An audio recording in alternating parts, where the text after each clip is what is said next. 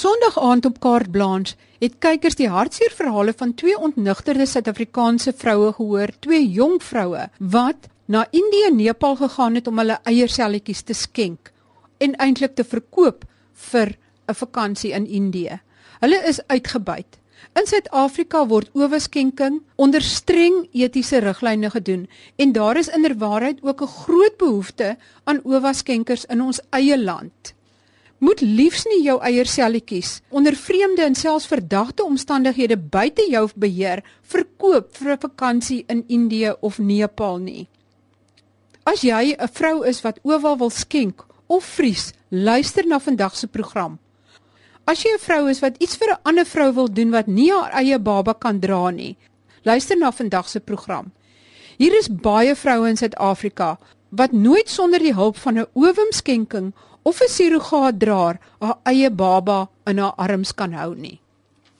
Ek is hier in die spreekkamer van professor Tinus Kreer, hy's deeltyds verbonde aan die Universiteit van Stellenbosch, sy departement ginekologie en verloskunde en hy's ook verbonde aan die Evitas kliniek, dis 'n fertiliteitskliniek wat by die Vincent Pallotti Hospitaal in Kaapstad gelokaliseer is. Ons gesels vandag oor 'n baie interessante onderwerp en dit is surrogaatskap en die skenking van owums en die bewaring van owums vir vroue wat dan nie kan swanger raak nie of wat sukkel om swanger te raak. Professor Keer, hoe werk dit? As mense eiertjie wil skenk of 'n eiertjie wil vries, moet die vrou deur sekere prosesse gaan of sekere behandelings kry voordat dit kan gebeur. Kan jy so kortliks verduidelik hoe dit werk? Marie, daar's twee groepe van pasiënte wat kwalifiseer vir vriesing. Die een groep is 'n jong dame wat nog nie die regte jong man ontmoet het nie en wat bekommerd is dat haar fertiliteit verlore sal gaan en dat sy nie sien dat sy in die volgende 3 tot 5 jaar gaan trou nie. Sy is byvoorbeeld 35 jaar oud en ons weet dat die fertiliteit nog goed is op 35, maar op 40 dan daal die kanse vir sukses en hulle kan aansoek doen vir vriesing van ova. Selfs jong dames van 30 in daardie situasie is dit absoluut aangedui dat mense hulle eiertjies kan vries. Dan owemskenking is natuurlik 'n heeltemal ander situasie waar die jong vroue pasiënte help wat nie eiers produseer nie. So soos mense 'n spermbank kry, is ons nou ook aan die ontwikkel aan 'n owembank waar jy dan eiertjies vries en nie noodwendig met vars eiers hoef te werk nie, vars ova so daardie pasiënt wat na vore kom of kliënt wat na vore kom om haar uitreik te doen vir haar naaste kry dan 'n sekere ondersoek as alles binne normale perke sekere bloedtoetse en dan kan mens binne 2 weke op die regte tyd van die maand eiertjies oes en die eiers word dan gevries. Wat presies behels dit? Moet sy inspuitings kry of moet die eiertjies geaktiveer word of is daar een of ander behandeling wat sy moet kry? En hoe onttrek jy dit dan? Die behandeling is eintlik vandag baie eenvoudig en soos pasiënte wat dalk diabetes is en die klein insulienspuitjies wat vandag gegee word om insulien toe te dien, dieselfde klein spuitjie is beskikbaar wat net onder die maagvel toegedien word om haar eierstokke te stimuleer om meer eiers te maak.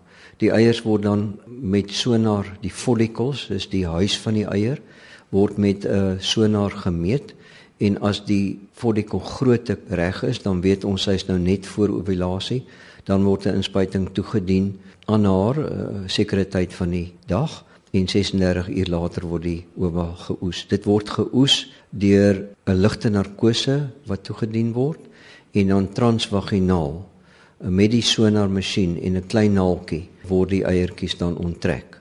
Ehm um, pasiënt kry tee 'n halfuur later is waarwyd wakker. Dis glad nie 'n pynlike prosedure nie en sy gaan huis toe 'n uur of 'n uur en 'n half na die ligte sedasie. So geen snytjies nie, geen merke nie en sy is heeltemal gesond. Is daar koste vir haar aan verbonde? Vir die owem skenker geen koste nie. Die koste word gedra deur die opdraggewer wat anoniem is natuurlik. Daar was vooraf 'n passing gedoen en die pasiënt kan volgens wet uh, R7000 per skenking ontvang wat redelike koste is in aanhalingstekens pyn en lyding tyd uit werk, tyd weg van die college. So dit is wat daar gebeur. En hoe lank kan julle dan daai eierselletjies vries wat sy nou geskenk het? Oomvriesing vandag is 'n wonderlike deurbraak. Spermvriesing kan jy onthou toe ons nog jy ook nog 'n jong wetenskaplike was uh, by Tygerberg. Die vriesing kom al jare met ons saam, maar die oomvriesing het die afgelope 5 jaar baie sterk ontwikkel en owa wat gevries word of sperme wat gevries word kan letterlik onbeperk daar lê en mens kan die eier as ek dit so mag sê wakker maak oor 5 jaar en dan behandeling toepas bevrug en die embrio wat ontwikkel kan steeds met dieselfde koers 'n goeie swangerskapskans bied. Julle doen dit hier by julle instituut. Wat is die suksessyfer van vroue wat hulle eiertjies gevries het en dan het sy dit nou van 'n skenker of van hulle self dan later gebruik het vir swangerskap? Uh, Sukses word gekoppel aan ouderdom. Ek kan hier vir jou 'n grafiek wys. As jy hier kyk, dan sal jy sien as mens jou eie eiers gebruik op 44, is die kans vir sukses skaars 3%. As jy jonk is en daardie lyn is jong dames wat eiers skenk, uh, is die swangerskapskoers hier by 60%. En so ook vir pasiënte, daar's die 28 jaar oud 50% of meer sukses maar die lyn val baie skerp na 40. En dis hoekom ek nou nog gesê het as jy hier by 35 is en nou nog nie die ridder op die wit perd ontmoet het nie, dan behoort mens jou oor te vries.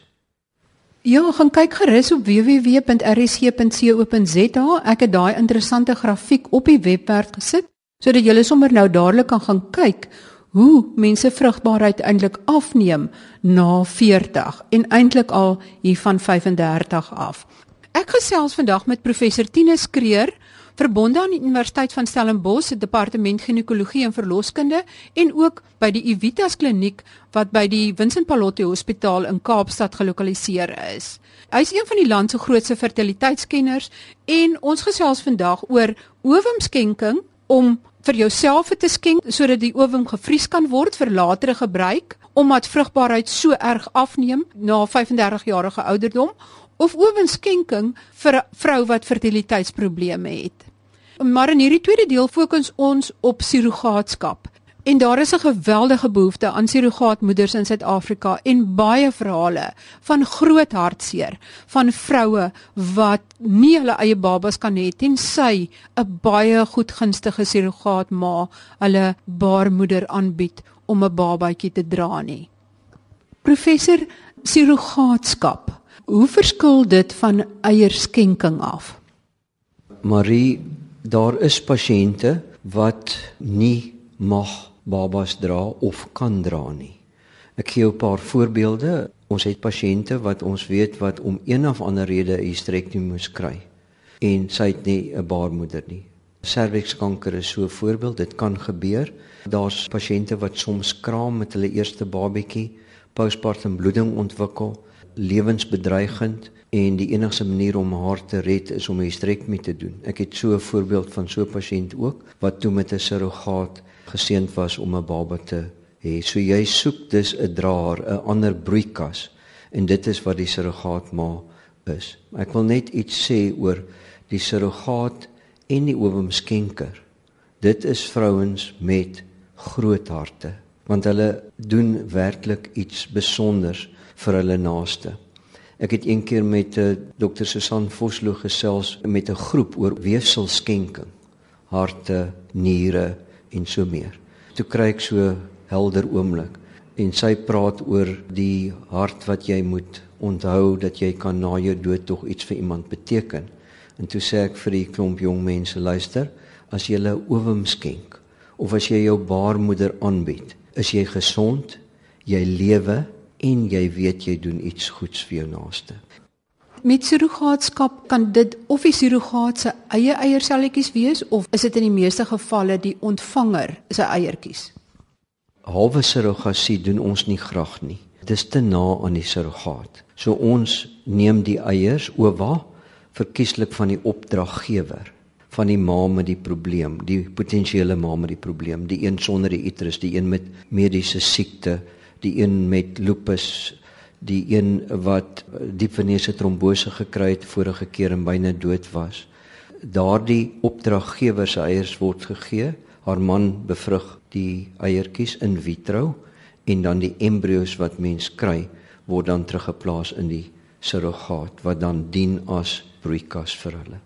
Baie mooi stories oor dit. Ek is so bly jy praat daaroor vandag want ek het jou gister gebel om oor 'n pasiënt wat by my gesit het met diep hartseer en soekend na 'n surrogaat en ons kry net nie iemand nie. So dankie dat ons minstens daaroor kan praat en dalk is daar 'n vrou met 'n groot hart wat ons gaan kontak. Ja, ek wou nou net praat daaroor want dit is goed en wel om oor die mediese aspek te praat, maar daar's altyd ook die menslike aspek. Sekerlik is julle waglys baie lank vir vroue wat graag eierselletjies wil ontvang van 'n skenker en 'n surrogaat soek wat eintlik haar eierselletjies en dan uiteindelik haar babatjie kan dra. Waar lê die grootste behoefte? Ek dink die grootste probleem lê by die beskikbaarheid van 'n surrogaat. Dis die groot behoefte die beskikbaarheid van 'n geskikte eie skenker is natuurlik 'n werk wat mens moet doen om die passing reg te kry. Maar dis baie makliker. Maar daar's altyd nog behoefte aan nuwe oomskenkers want nommer A pas nie by opdraggewer B as ons praat oor oompassing nie, maar die surrogaat. Dit is ons groot probleem en dit is die grootste behoefte wat ons het. Maar ons doen 'n beroep deur jou dat mense wat dink hulle wil meer uitvind oor die saak, dat hulle ons kontak. Maar dit kan ook mense wees wat dalk wil skenk. Professor Kreer, kan jy dalk so een of twee voorbeelde gee van vroue wat al desperaat is en lank wag op 'n geskikte surrogaat? Marie, ek kan dan 'n paar voorbeelde noem. Eerste een waaraan ek dink uh, is iemand met baie erge diabetes wat moeilik gekontroleer word wat nie mag dra nie. Uh suikers ten spyte van insulien word nie goed gekontroleer nie en die aanbeveling deur haar internis was a surrogasie. Selfdra nee. 'n uh, Tweede geval is 'n vrou wat 'n uh, vorige operasie gehad het op die baarmoeder, toe swanger geword het en toe bars die baarmoeder op 16 weke toe verloor sy haar baarmoeder en ehm um, sy het geen ander alternatief as surrogasie nie. Derde voorbeeld is daar's 'n siekte genaamd lupus wat uh die niere aantas en die mense moet dikwels op uh immuunonderdrukkende middels gaan. Mag nie swanger word nie, maar kan wel deur 'n surrogasie gehelp word dan dink ek weer aan die vrou wat uh, wel 'n babatjie gehad het, postpartum bloeding, moes 'n noodhysterektomie kry en behoefte tot 'n tweede kind kan alleen daardie uh, sukses bereik met surrogasie. En laaste voorbeeld, dink aan 'n vorige pasiënt, Italiaanse vrou, gebore sonder 'n baarmoeder, maar het eierstokkies. Enigste manier om hulp te kry is deur surrogasie. Wat is die gemiddelde ouderdom van die vroue en hoe lank wag hulle al? Die ouderdomme wissel tussen 28 en uh, 35 en soms ouer, 38 en daar is pasiënte wat nou al die afgelope 6 maande wag in ons surrogate drup letterlik in. So ons kan nie almal help nie alhoewel dis net gekoppel aan beskikbaarheid van 'n gesonde surrogaat. Nou die gesonde surrogaat moet 'n normale papsmeer hê, sy moet gesond wees, sy moet nie diabetes hê nie, sy moet nie risiko hê vir borskanker nie. Dit wil sê in 'n mediese goeie gesondheidstoestand wees. Ouderdom tot 45. Professor Kreer, as jy dan 'n finale boodskap het in hierdie program, wat sal dit wees? Ek wil hê dat uh, vroue kreatief moet dink oor hierdie saak. En as dit enigsins op hulle hart is, al is hulle effens onseker, maak kontak met ons, maak kontak met my. Ons sal te woord staan, ons sal gesels. Daar sal 'n sielkundige evaluasie wees wanneer iemand verder gaan wat iemand kwalifiseer en niks word forceer nie, maar ek soek daardie vroue met die oop hart, met die groot hart wat haar naaste wil help. En daar's baie sulke vroue, maar hulle weet baie keer nie van hierdie behoefte nie. So vinnig kom ons dan aan die einde van vandag se program.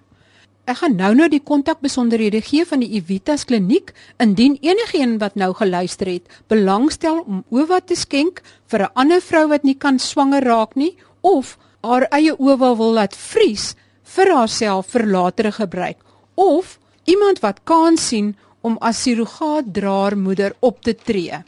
Hier is die besonderhede. Skakel die Evitas kliniek by en dit is in Kaapstad 021 531 6999. Ek herhaal 021 531 6999 of e-pos aan info@evitas.co.za en jy spel dit info by a e v i t a s a e v i t a s.co.za. Dan onthou net die volgende uit vandag se program. Die kans op Down-sindroom raak drasties hoër na ouderdom 35 en ovumvriesing is beskikbaar. As jy owa skenk vir 'n ander vrou, het jy geen onkoste nie. Al jou uitgawes en onkoste word vergoed en jy word sowat R7000 vergoed vir pyn en lyding.